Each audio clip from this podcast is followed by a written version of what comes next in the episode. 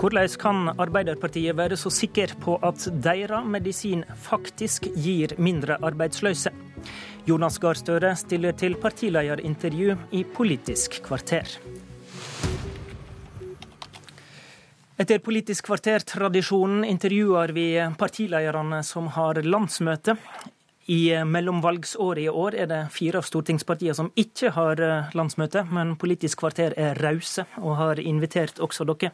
Så velkommen hit, appellær Jonas Gahr Støre. Tusen takk.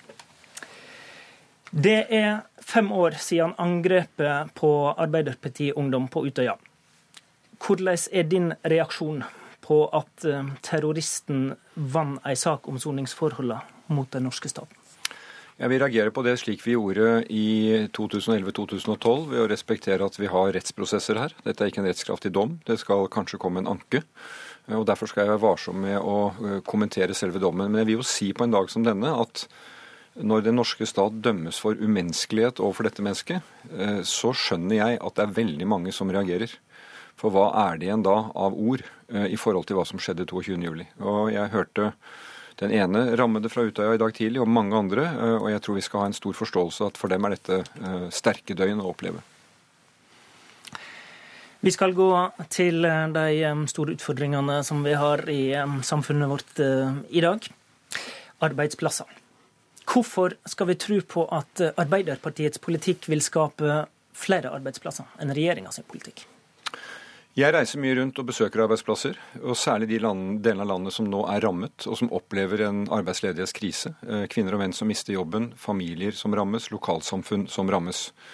Vi kan ikke skru oljeprisen tilbake, og regjeringen kan ikke holde seg ansvarlig for den. Men hvordan møter vi den krisen? Der er det forskjellige svar. Og Derfor så mener jeg at eh, Arbeiderpartiets eh, opplegg for å møte den krisen med en kraftigere og større tiltakspakke som setter i gang prosjekter som kan få folk i arbeid, få bedrifter i aktivitet. Eh, eh, sterkere satsing på kommunenes rolle til å være en viktig tilrettelegger eh, både av oppussing av bygg og på arbeidssiden. Og gjennom ett år arbeide for et permitteringsregelverk som gjorde det mulig for bedriftene å permittere fremfor å si opp. Klare forskjeller til regjeringens politikk, som er tilbakeholden Eh, og som bruker skattekuttene som sin fremste strategi, og det virker ikke. Derfor er det forskjell i den politikken, og det ville virket og ha gitt også ulike resultater. Ok, Da nevner du tre ting. Tiltakspakke, permitteringsregler og, og, skattepolitikken. Og Den påstanden som dere har kjørt fram primært i vår, er jo dette med at regjeringa gir skattelette for 50 millioner kroner om dagen, samtidig eh, som det blir 45 arbeidsløse om dagen. Men hvordan kan vi vite at noen av disse 45 som mister jobben daglig, vil beholde jobben hvis arbeidsgiveren deres får mer i skatt? Vi kan jo ikke vite det én for én, krone for krone, men vi har jo erfaring for hva som virker i tider hvor det er lav aktivitet. Eh, og det er veldig lite kunnskap som viser at generelle skattekutt, slik det er gitt fra denne regjeringen, vi har brutt det ned på 50 millioner per dag, har virkning på aktivitet som får ledigheten ned. Dere etterspør jo denne dokumentasjonen fra regjeringa, men hvor er deres dokumentasjon Nei, for at det motsatte fungerer? Ja, Det har vi fra tidligere erfaring, at det er aktivitet målrettet inn til eh, oppussing, vedlikehold, eh, forsere fremskynding av bygging av ferger f.eks., veier, det, det gir aktivitet. Vi har hatt nedgangstider før. Og vi har erfaring fra det. Og på listen over skattetiltak som kan gi aktivitet, så kommer jo de skattekuttene regjeringen har valgt, langt ned på den listen. Så her brukes det mye penger, da, eksempelvis 50 millioner hver dag. Og regjeringen er ikke i stand til å vise at det har effekt, og vi mener at de pengene brukt annerledes ville gitt en annen aktivitet i den situasjonen vi er i dag. Men da snakker du om en tiltakspakke som jo da skal stimulere etter eh, spørselen. Men ser du helt bort fra at noen av de milliardene som regjeringa har gitt i skattelette, også kan stimulere etterspørselen etter arbeidskraft? Nei, du kan ikke se helt bort fra det, men det er mange trinn frem til det. De som får disse skattekuttene skal vurdere hva de gjør med de pengene. Jeg hører bedrifter som sier at da kunne de reinvestert disse pengene, og jeg er ikke i tvil om at noen ville vurdere det. Men det er en altfor lite målrettet bruk av så mye penger i en slik situasjon. Men hvorfor må etterspørselen komme fra det offentlige, da? Nei, det må ikke komme fra, eh, fra, det offentlige. Altså, eh, I Norge totalt sett i dag så er det jo ikke en etterspørselskrise. I deler av landet så er det en aktivitetsnedgang som er så alvorlig at du får 140 000 arbeidsledige, og tallet stiger. Og Da er poenget hva er det som raskt kan sørge for at ikke vi mister disse ut av arbeidsmarkedet, at de blir gående langtidsledige og kanskje aldri kommer tilbake. Og Det er jo et neste trinn i dette også. Det er jo noe som jeg mener vi en av de store reformene vi kommer til å trenge i årene som kommer. En kompetansereform som handler om å kunne gi de som mister jobb, de som står utenfor arbeidsmarkedet, flyktninger og alle som trenger oppdatering av kunnskap, få den kunnskapen, bruke ressurser på det i bedriftsintern opplæring eller på våre læreinstitusjoner, slik at vi kvalifiserer for arbeidsmarkedet. Det er bedre bruk av pengene enn eh, det regjeringen har lagt opp til. Hvor mye må regjeringa komme med i revidert budsjett i kampen mot arbeidsløse for at du ikke skal si for lite og for seint? Jeg har ikke tallfestet det. Revidering av budsjett er jo at man justerer et allerede vedtatt budsjett. Det er ikke der de store satsingene kommer. Men jeg legger jo til grunn at med den utviklingen som har vært på arbeidsmarkedet, særlig i de delene av landet, langs kysten, Sør-Vestlandet, Vestlandet, at det kommer tiltak som, eh, som virker der. Eh, vi eh, kommer til å følge nøye hva regjeringen legger frem der, og gjør også selv våre egne forslag når det kommer i mai-juni. Ok, Da får vi vente på det. Du nevnte også permitteringsreglene, som du jo har bedt om lenge. Eh, det blir nå gjennomført eh, av regjeringa som en konsekvens av lønnsoppgjøret i frontfaget, der eh, bedriftene skal få lov til å permittere i opptil et år. Men da er jo regjeringa og Ap sin politikk på dette området blitt uh, lik. Har du da noe vesentlig alternativ til regjeringa? Dette er en situasjon vi må følge nøye. Jeg, jeg registrerer jo at regjeringen ble slept til dette. Det var jo partene som tvang det gjennom. Og helgen før dette kom, så sa jo nesten et samstemt Høyre at det var de imot. Det var å låse folk inne i jobbene sine. Vi mener at den politikken som var, var å låse altfor mange uh, ute. Uh, men så skal vi jo følge nøye med å se hva som trengs i situasjonen. I fjor på denne tiden etterlyste vi en ungdomspakke mot ungdomsledigheten. Den nektet regjeringen var nødvendig inntil den snudde og kom med en ungdomspakke. Eh, så på dette området som gjelder opplæring, hvordan vi tar vare på de som blir ledige, setter dem i stand til å komme tilbake i jobb, og hvordan vi møter situasjonen i de delene av landet som er mest utsatt, det må vi jo vurdere eh, løpende og opp mot det regjeringen kommer med. Jeg håper regjeringen kommer med ting som er virksomme eh, på dette området. Det viktigste er å gjøre noe for de som nå opplever vanskelige tider. Vil du utvide permitteringsreglene enda mer? Nei, jeg tror det er en, det å gå fra 30 til 52 uker, slik vi gjorde under finanskrisen, det er et riktig tiltak. Og så, Hvis ledigheten går ned, så kan man ta det tilbake igjen. Det bør være et tiltak man skal ha i, i reserve når vanskelige tider kommer. Mange av de som mister jobben, opplever nok en personlig krise. Men hvorfor er det så viktig å definere den arbeidsløse situasjonen vi har nå som en krise for Norge?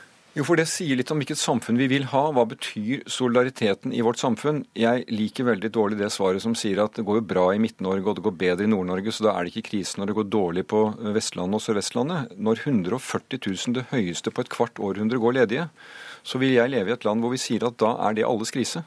Selv om jeg har jobb, og selv om ikke jeg bekymrer meg for det, et annet sted i landet. Hvilken forskjell gjør det politisk? Nei, jeg tror det gjør den forskjellen at da ser vi For det er nemlig en del av den større Um, fortellingen om Norge er at arbeid er utrolig viktig for den enkelte, men også for hvordan vårt velferdssamfunn er organisert. Vi snakker mye om skatt i vårt samfunn, og det er et viktig forhold. Men det viktigste inntektene for vårt fellesskap er at folk jobber.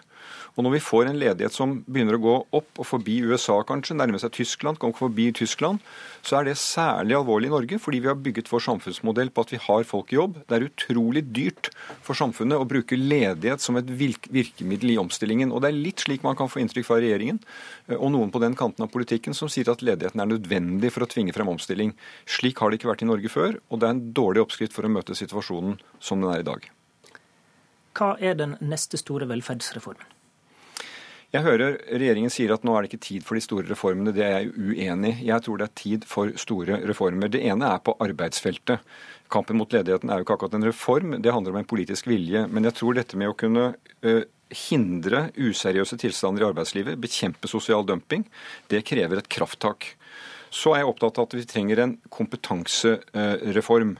Og Det handler om at vi skal kunne få den opplæringen og utdanningen gjennom livet. Børste støv av begrepet livslang læring. Det snakker vi mye om. og vi, vi, trenger et ordentlig løft for det, for at vi kan faktisk kvalifisere for et arbeid hvor teknologien kommer til å endre seg vesentlig. Og så er jeg opptatt av eh, på feltet eh, velferd, eh, skole, kunnskap. Der gjennomførte vi et stort løft i barnehagesektoren for å sørge for at barn fikk en god start i livet. Nå vet vi at de som begynte på skolen i fjor høst, så vil 15 000 av de ungene sannsynligvis ikke gjennomføre videregående opplæring. Og når de kommer dit, så er det sannsynligvis ikke jobbe for dem, fordi vår økonomi endrer seg. Da trenger vi å flytte dette løftet til en tidlig innsatsløft på helse og kunnskap i skolen. Det er det jo gjøres... akkurat det samme begrepet som statsminister Erna Solberg brukte i sin landsmøtetale. Ja, men det var altså flere måneder og år etter at vi har snakket om en lang linje i dette. Vi gjorde et målrettet løft på barnehagene, fikk Norge opp fra langt ned til høyt opp. Nå må vi gjøre det løftet også innenfor skolen. Det er en stor reform. Og så la meg si til sist, Vi trenger en reform for å få et klima- og bærekraftig samfunn. Det som skjer nå, er at vi snakker om å utsette svaret på hvordan vi skal møte eh, målet om å kutte 30% mot 2030, som vi er forpliktet til under Parisavtalen. Men det er ikke noen forpliktelse som norske husholdninger og familier og bedrifter og bønder og trafikketat føler for å få de utslippene ned. Det trengs et, eh, en stor reform både på virkemiddelsiden og for hvilke mål vi setter oss som samfunn. Så tiden for store reformer for å holde dette samfunnet moderne og levedyktig, det er på ingen måte over. Det trengs politisk kraft for å gjennomføre det. Hvis vi ser på målingene i det siste, så vil du slite med å sikre et mulig regjerings- eller nytt stortingsflertall. Ikke først og fremst fordi Ap gjør det så dårlig, men fordi de mindre partiene på rød-grønn side kjemper med sperregrensa. SV og MDG ligger ofte under. Da blir kampen om sentrum viktig. Den merksomheten du har vist KrF, bør du vise den til Venstre også? Jeg har sagt siden jeg ble partileder at Arbeiderpartiet lukker ingen dører mot partiene som ikke er i regjering. Eh, og det har vært min holdning både for Venstre, KrF og MDG, eh, i tillegg til våre tidligere partnere i regjering. Men Trine Skei Grande ser ut til å mene det. Hun ramsa opp en rekke områder i sin landsmøtetale der du ikke har vært villig til å lage flertall med dem. Hvorfor er det uinteressant å prøve å tilnærme seg Venstre? Nei, men Det er ikke uinteressant, men det er politikken dette handler om. Og jeg opplever at uh, på områder hvor vi har uh, tatt initiativ på miljø, uh, få pensjonsfond ut av kull, komme i gang med elektrifisering, få en ny klimalov, vi har lagt 50 klimaforslag i Stortinget, så er det velkommen til Venstre å være med på det. Vi har et stort fellesskap å ta tak i. så det er meg... deg som sier nei takk, da? Vel, det er noe nærliggende der. Men, men la meg si det sånn. La oss se på virkeligheten ute i landet. I dag styrer Arbeiderpartiet i fem fylker sammen med Venstre. Vi styrer i Arendal, Haugesund, Bergen, Trondheim. 60 eh, kommuner sammen med Venstre. slik at det bildet som ble tegnet opp av partilederen i Venstre, det stemmer egentlig ikke med realiteten der ute i landet. Og jeg mener at det politiske fellesskapet det er jo det som vil avgjøre om vi får en ny kurs for Norge. Først er det spørsmålet vil et flertall ha den regjeringen som sitter. Og så skal jeg jobbe for å få flertall for en annen kurs, som har en annen trøkk i forholdet til arbeid, i forhold til å sikre velferdsstaten, sikre bærekraft i velferdsstaten, sørge for at vi har kompetanse til å arbeide videre, og sørge for at vi tar vare på naturressursene våre som et fellesskapseie. Dette er et tema som jeg tror kommer til å mobilisere folk. Ønsker du et samarbeid med Venstre på de områdene? De er velkomne til det. Jeg lukker ikke en dør for det nå ett år før et valg. Jeg registrerer at Venstre nå sier at de kan vanskelig støtte en regjering med Fremskrittspartiet inne. Fremskrittspartiet vil ikke være del av en støtte en regjering de ikke er med i, og vi er i gang igjen med den debatten på borgerlig side, og den følger jeg.